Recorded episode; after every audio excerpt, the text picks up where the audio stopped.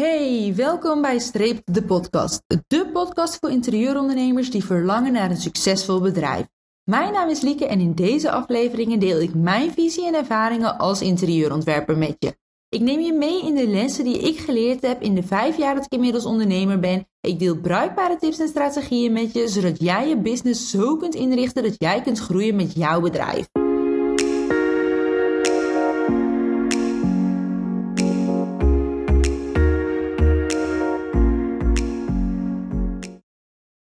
Prijzen bepalen. Het onderwerp dat altijd on top of mind ligt. Want hoe weet je nu eigenlijk of jouw prijzen wel de juiste prijzen zijn? En wanneer kan je eigenlijk een bepaald bedrag vragen? Is het verstandiger om lager te beginnen en mee te groeien? Of zet je direct hoger in? In deze podcastaflevering gaan we het hebben over het bepalen van jouw prijzen als interieurontwerper. Ik kan me namelijk goed voorstellen dat het bepalen en vertellen van je prijzen iets kan zijn wat je onzeker maakt, waar je wakker van kan liggen. Je wilt na een kennismaking namelijk niets liever dan dat de klant met jou in zee gaat. Je wilt niet dat ze afhaken na het zien van jouw offerte. Maar het gevaar dat daarbij komt kijken is dat jij de prijs naar beneden afrondt, waardoor je uiteindelijk zelf te weinig verdient voor de uren die je maakt. En dan is er nog het verschil tussen het aanbieden van pakketten of het maken van een offerte op maat. Het aanbieden van een standaard pakket heeft als voordeel dat je niet over je prijzen hoeft na te denken. Maar wat doe je als een klant vraagt om een bepaald onderdeel te schrappen? Of wat zeg je als de klant om korting vraagt? Ook het aanbieden van een offerte op maat heeft zijn voor- en nadelen. De plus is dat de klant altijd een speciale offerte voor hem of haar gemaakt ontvangt. Maar het risico voor jou is dat je wat minder uren rekent dan als je er daadwerkelijk mee bezig bent. Om zo de prijs laag te houden in de hoop dat de opdracht doorgaat. Het hebben van de juiste prijzen als interieurontwerper zorgt ervoor dat jij jezelf verzekerder wordt. Dat jij je aanbod zelfverzekerder kunt verkopen en dus ook vaker verkoopt. De klant voelt het namelijk wanneer jij zelf twijfels of onzekerheden hebt. Daarnaast wil jij jezelf als ondernemer natuurlijk een salaris uitkeren waar jij goed van kunt leven. Ik hoor altijd wel zo mooi: zolang ik kan doen wat ik leuk vind, hoef ik er niet rijk van te worden. Maar stiekem zou dat wel heel erg lekker zijn. Stiekem wil jij ook wel een goed loon halen uit jouw bedrijf. En dat lukt niet zonder het ontwikkelen van het juiste aanbod met de juiste prijzen. Daarom duiken we in deze aflevering dieper in op het stukje prijzen bepalen. Ik neem je mee in de verschillende manieren waarop je een prijs kan aanbieden, hoe je onderzoekt of een prijs een juiste prijs is. Ik neem je mee in een stukje money mindset en we gaan het over nog veel meer andere onderwerpen hebben die te maken hebben met het stukje prijs bepalen als interieurontwerper. Maar om bij het begin te beginnen, beginnen we bij jou als interieurontwerper. Jij bent de basis van de prijzen die jij vraagt. Jij mag bepalen en jij bepaalt jouw eigen waarde. Want wat zou jij willen verdienen als alles kan? Wat heb jij nodig om jouw hypotheek te betalen, om jouw huur te betalen, om boodschappen te doen, om jouw leven te leven op de manier waarop jij het zou willen leven? Welk salaris heb jij dan nodig? Wat moet er dan per maand op jouw persoonlijke rekening als loon gestort worden. Daar mag je bij beginnen. Dus ga eens voor jezelf uitrekenen wat voor jou de basis is. Wat is voor jou belangrijk? Wat moet er voor jou binnenkomen? Vanuit daar kun je namelijk verder rekenen naar wat dat in een omzet moet zijn. Je kunt het omhoog trekken vanuit het eerste stukje. Je kunt vanuit daar gaan bekijken, oké, als ik dit als loon wil overmaken aan mezelf, wat is dan de verhouding met de belastingen die ik moet betalen, de inkomstenbelasting die ik moet betalen? Wat is de verhouding met de kosten die ik maak? Een handig systeem wat ik daar zelf bij gebruik is het Profit First systeem. Een systeem waarbij je werkt met percentages en verschillende potjes op je rekening, zodat je altijd weet wat er naar welk potje gaat en zodat er ook altijd een winstuitkering voor jezelf als ondernemer over is als een soort van cadeautje, omdat jij het risico hebt genomen om te ondernemen. Naast je loon dus. Vanuit daar kun je dus gaan berekenen wat er per maand binnen moet gaan komen en wat er dus ook per jaar binnen moet gaan komen. Want alleen wanneer jij weet wat jij wilt verdienen en wat er binnen moet komen, kun jij terug gaan rekenen naar wat dat zou zijn in producten. Dus stel dat er per maand 4000 euro binnen moet komen. Je wilt jezelf 2000 euro loon betalen. Er is nog een bepaald bedrag nou ja, voor de belastingen, uh, voor de kosten die je maakt, uh, voor eventuele investeringen. Dus er moet 4000 euro binnenkomen per maand. Omzet hebben we het al nu over. Vanuit daar kun je dus gaan terugrekenen naar hoeveel uren, declarabele uren, jij wilt maken, jij kunt maken in een maand. En daarop kun je dus jouw uurprijs gaan baseren. Maar je kunt het ook omdraaien en niet naar losse uren kijken, maar naar pakketten kijken. Dus voor die 4000 euro die jij om moet zetten in een maand, hoeveel pakketten um, zou jij, hoeveel klanten zou jij kunnen helpen? En wat is daarbij de bijbehorende pakketprijs? Vanuit daar kun je dus al een beetje terugrekenen naar wat jij zou willen en moeten verdienen. Er zijn nog meer factoren die hierbij meespelen, maar dit is al wel een hele mooie eerste pijler. Begin dus altijd bij jezelf. Wat moet jij privé verdienen? Wat is de bijbehorende zakelijke omzet? En hoe kun je dat per maand en per jaar verdelen? Dus het is natuurlijk ook heel logisch dat je aan het eind van een jaar wat meer verdient dan dat je aan het begin van een jaar doet. Omdat, nou ja, uh, je pakketten worden wat duurder, je ervaring wordt wat meer. Misschien groei je wel in het aantal klanten wat je aan kan nemen, omdat je slimmere systemen hebt bedacht binnen je bedrijf. Als jij weet wat jij om moet zetten op jaarbasis, kun jij dat zodanig gaan terugrekenen naar omzet op maandbasis en naar je uurprijs, naar je pakketprijzen. Dus begin altijd bij jezelf. Jezelf als uitgangspunt houden voor je prijzen. En wanneer jij vanuit jezelf hebt gekeken wat jij zou willen verdienen per uur, wat jij zou moeten verdienen, en wanneer je vanuit jouw loon dus hebt gekeken naar een bijpassend uurloon of pakketprijs, is het tijd voor de volgende stap. En die volgende stap heeft te maken met voor wie jij het doet. Je hebt waarschijnlijk een doelgroep ontwikkeld waarvoor je aan de slag wilt. Een bepaalde doelgroep voor wie jij graag werkt. En misschien hoort er bij dat doelgroep wel een bepaald specialisme, een bepaalde niche die jij aanspreekt. Misschien werk jij voor nieuwbouwwoningen, misschien werk jij voor verbouwingen, misschien werk jij wel voor een high-end markt of misschien werk jij juist wel voor de lagere budgetten. Jouw doelgroep is heel erg belangrijk bij het bepalen van jouw prijzen. Of eigenlijk niet bij het bepalen van jouw prijzen, maar vooral bij het testen van jouw prijzen. Door jouw doelgroep kun jij onderzoeken of jouw prijs een goede prijs is. Jouw doelgroep moet jouw prijs namelijk kunnen betalen. Jouw doelgroep moet jouw prijs willen betalen.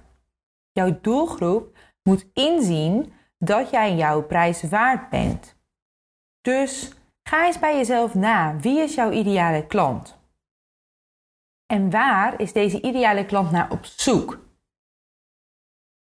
Is jouw ideale klant op zoek naar bepaalde diensten waaruit jij jouw aanbod hebt geformuleerd? Heb jij bepaalde pakketten geformuleerd voor deze klant? Of is jouw ideale klant meer op zoek naar maatwerk? Ik ga het straks nog eventjes uitgebreid hebben over het stukje pakketten versus offertes op maat. Maar dit is al wel een klein stukje, een klein tipje van de sluier die ik vast bij je mee wil geven. Jouw ideale klant is namelijk heel erg belangrijk. Want als jouw ideale klant jouw diensten niet kan betalen, als jij niet rekening hebt gehouden met de budgetten van jouw ideale klant, wordt het heel erg lastig om uiteindelijk voldoende aanvragen te krijgen. Het is dus belangrijk dat jij je prijzen gaat testen, gaat onderzoeken. En dat kan gerust eventjes een proces zijn, want waarschijnlijk gooi jij met de tijd jouw prijs een beetje omhoog en kun jij langzaam aan gaan kijken, hey, wat is nou het punt waarop mijn klant de prijs te hoog vindt, waarop de aanvragen terugnemen? Of als jij juist heel veel aanvragen krijgt, hoe ver kan ik doorgroeien zonder dat het aantal aanvragen specifiek afneemt? Ga eens na wat jouw positionering is. Hoe heb jij jouzelf in de markt gepositioneerd? Welke boodschap draag jij uit? Hoe is jouw bedrijf opgebouwd? Dit zijn allemaal elementen die onwijs belangrijk zijn bij het bepalen van jouw prijzen, die een basis zijn voor het bepalen van jouw prijzen. Want wat ik eerder aangaf, als jij je richt op high-end klanten, kun jij een veel hogere prijs gaan vragen. Kun jij veel eenvoudiger een hogere prijs gaan vragen dan wanneer jij je richt op een meer budget doelgroep. Ga dus goed na bij het bepalen van je prijzen wie jouw klanten en toets daarop of jouw prijs een goede prijs is. Je zou ervoor kunnen kiezen om hierbij ook daadwerkelijk een marktonderzoek te gaan doen. Dus ga eens huidige klanten van je vragen of ga eens mensen die in jouw ideale doelgroep vallen vragen wat zij voor jouw product of dienst over zullen hebben. Wat is het bedrag dat zij ervoor willen betalen? Jouw ideale klant is dus net als jijzelf een heel erg belangrijk onderdeel van jouw prijzen. En gebaseerd op deze ideale klant, op deze doelgroep, kun je dus ook gaan kijken of pakketten of een offerte op maat hetgeen is wat het beste aansluit.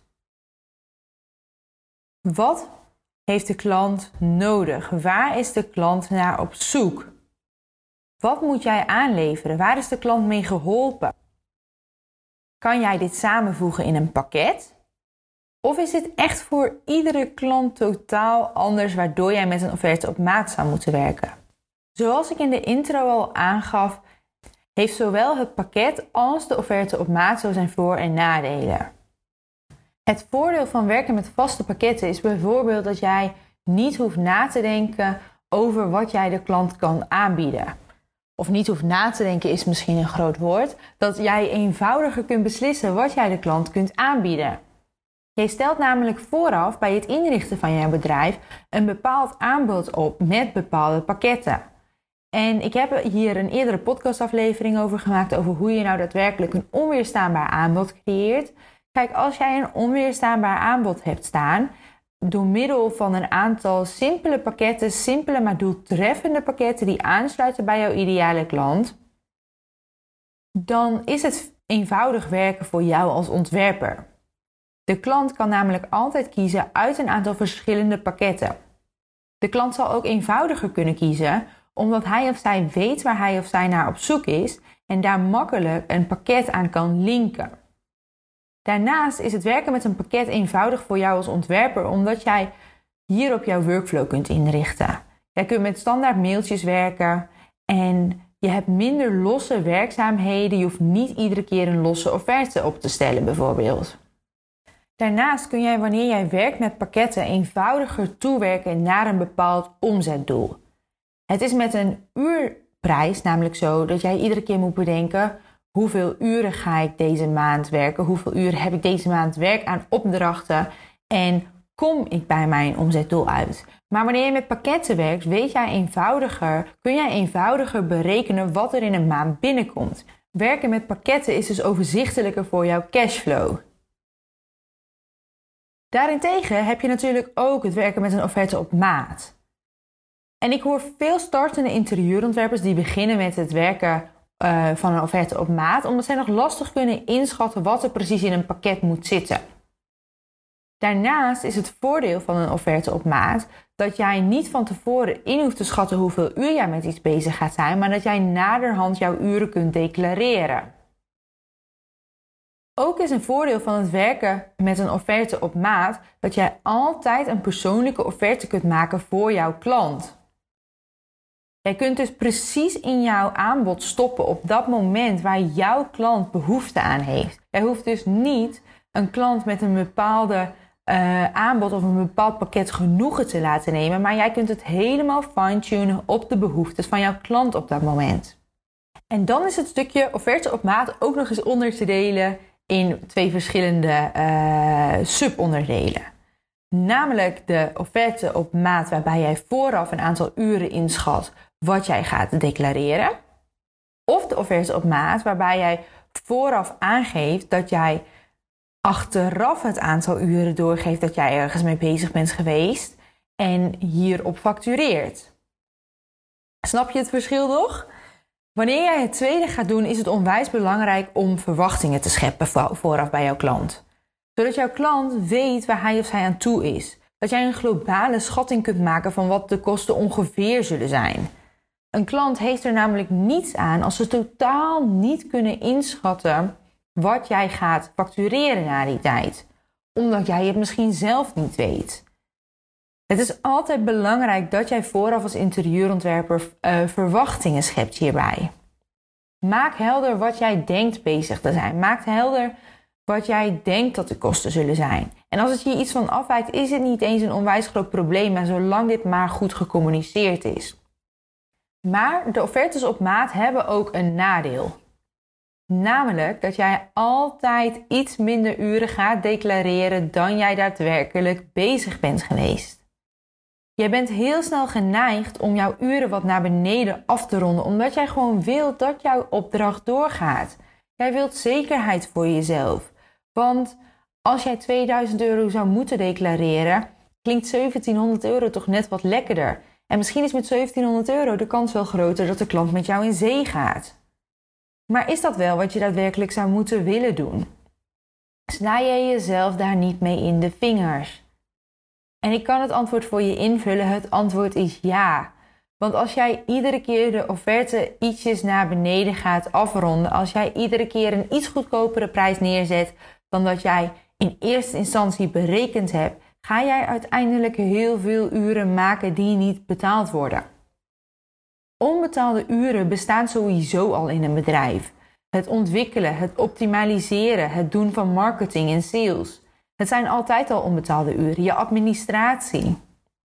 Maar wanneer jij ook nog eens jouw offertes naar beneden gaat afronden met het aantal uren, en je bent altijd meer uren bezig met iets dan dat je denkt dat je bent, dan snij je jezelf in je vingers.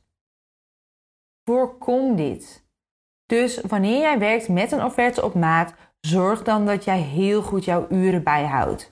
Zorg dan dat jij heel goed weet hoe lang een bepaalde taak kost en dat jij dit heel goed neer kunt zetten op een offerte. En dat is misschien iets wat je niet meteen de eerste keer kunt doen, want de eerste keer moet je er even achter komen hoe lang een taak duurt. Maar zorg dan dat je het voor de volgende keer weet. Hou je uren bij, bijvoorbeeld in Moneybird. Kijk hoe lang je over een bepaalde taak doet. Doe dit tot op de minuut na, zodat jij weet wat je aan uren aan de klant moet declareren. Weeg dus de verschillende opties goed tegen elkaar af. Kijk wat het beste bij jou past. Kijk wat het beste bij jouw ideale klant past. Zorg dat jij hierop kunt baseren of jij werkt met een offerte op maat of dat jij werkt met verschillende pakketten. En zorg dat jij vervolgens hierop jouw prijs kunt bepalen. En dan wil ik nog eventjes een stukje de diepte induiken bij de pakketten over het bepalen van je prijs. Want Waarbij het bij een offerte op maat natuurlijk wat makkelijker is omdat je kijkt naar hoeveel uren je ergens aan kwijt bent, wil ik dat ook eventjes doornemen voor je wanneer je met pakketten gaat werken. Dus wanneer je met een pakket gaat werken, kijk dan goed wat jij bij de klant moet gaan aanleveren. Waar is de klant mee geholpen? Moeten er altijd alle standaard onderdelen in zitten die jij ook bij jouw collega ziet? Of zijn er enkele onderdelen die voor jouw klant misschien helemaal niet relevant zijn? Zorg ervoor dat jij dit goed afstemt op jouw klant. Want dat heeft ook te maken met de prijs. Als jij een high-end klant hebt die veel meer te besteden heeft, kun jij ook veel meer extra's voor die prijs toevoegen in jouw pakket. Maar wanneer jij een klant hebt met een wat kleiner budget, moet jij niet gaan indammen op je eigen uurprijs. Want het is niet jouw verantwoording om dat gat op je te nemen dat gat mag je ergens anders op bekijken. Dus kijk wat er bijvoorbeeld in jouw pakket zit wat niet helemaal relevant is voor jouw klant. Wat jij misschien zou kunnen schrappen. Wat misschien niet zo nodig is als het in eerste instantie leek te zijn. Wanneer jij goed helder hebt waar jouw pakketten uit bestaan, kun jij kijken hoeveel uren wat bevat. Dus eigenlijk is het nog steeds hetzelfde stukje opbouw als werken met een offerte op maat. Kijk naar hoeveel uren elk onderdeel van jouw pakket nodig heeft hoeveel uren jij erin stopt en bepaal op basis daarvan jouw prijs.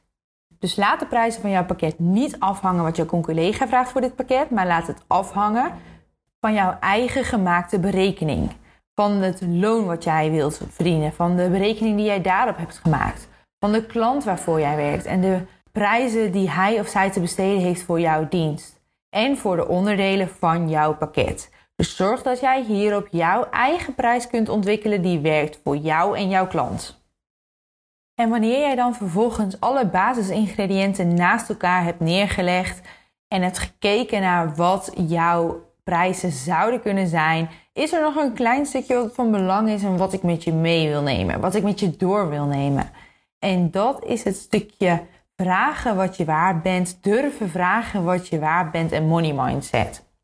En dat zijn twee dingetjes die ik eigenlijk samen wil bespreken, want ik geloof dat ze heel erg in elkaar doorlopen. Het is namelijk zo dat veel interieurontwerpers moeite hebben met vragen wat ze waard zijn. Want wat ben je nou eigenlijk waard? Hoe weet je nou eigenlijk wat je waard bent? En ik geloof dat je je waarde kunt bepalen op het stukje positionering, op het stukje onderscheidendheid. Want jij hebt vast wel eens bij de start van jouw bedrijf nagedacht over waarom moet de klant voor jou bieden? Wat is de meerwaarde die jij te bieden hebt? Want jij bent oprecht van grote waarde voor jouw niche en dat mag jij geloven. Daar mag jij naar durven te vragen. Jij mag jezelf serieus gaan nemen als interieurondernemer en daar mag jij jouw prijzen naar vragen. Want is het niet zo dat jij in een andere situatie ook wel eens voor een duurder product of dienst zou kiezen omdat jij gelooft dat de waarde beter is? Wanneer ik een nieuwe lamp op mijn fiets nodig heb, zou ik liever een lamp kopen van de fietsenmaker dan er eentje kopen van een budgetwinkel. Omdat ik bij de fietsenmaker weet dat ik een kei goede lamp koop.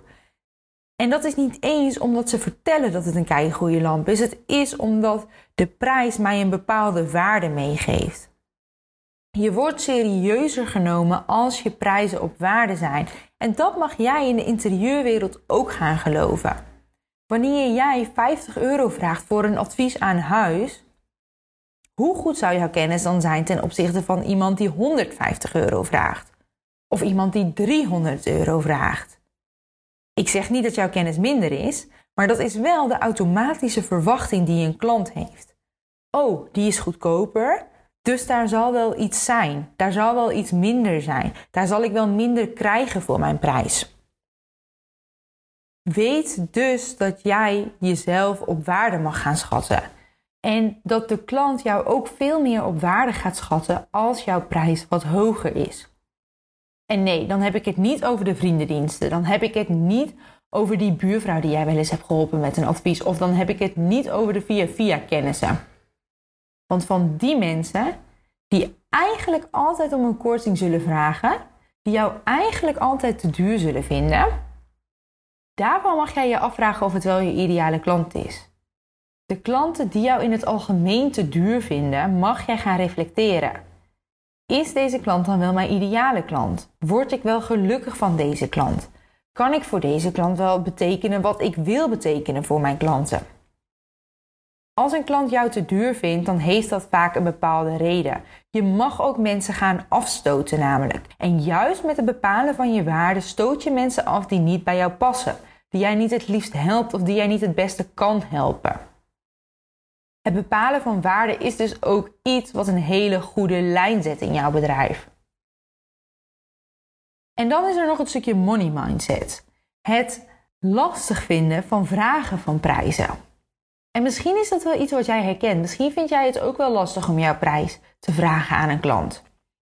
Heb jij altijd de neiging om het iets goedkoper te maken? Of bespreek jij je tijdens een kennismaking altijd naar een goedkopere prijs, omdat je je gewoon oncomfortabel voelt bij je prijs. En dat heeft vaak te maken met je eigen money mindset. Vind je het zelf lastig om geld uit te geven, dan vind je het waarschijnlijk ook lastig om geld te vragen. En in dat geval mag je eens goed gaan kijken wat geld voor jou betekent. Voelt alles voor jou als een stap te veel, als te veel geld? voelt alles voor jou als: oh, wat een investering. En waar komt dat dan vandaan? Misschien is het een overtuiging die jij van vroeger uit hebt meegekregen.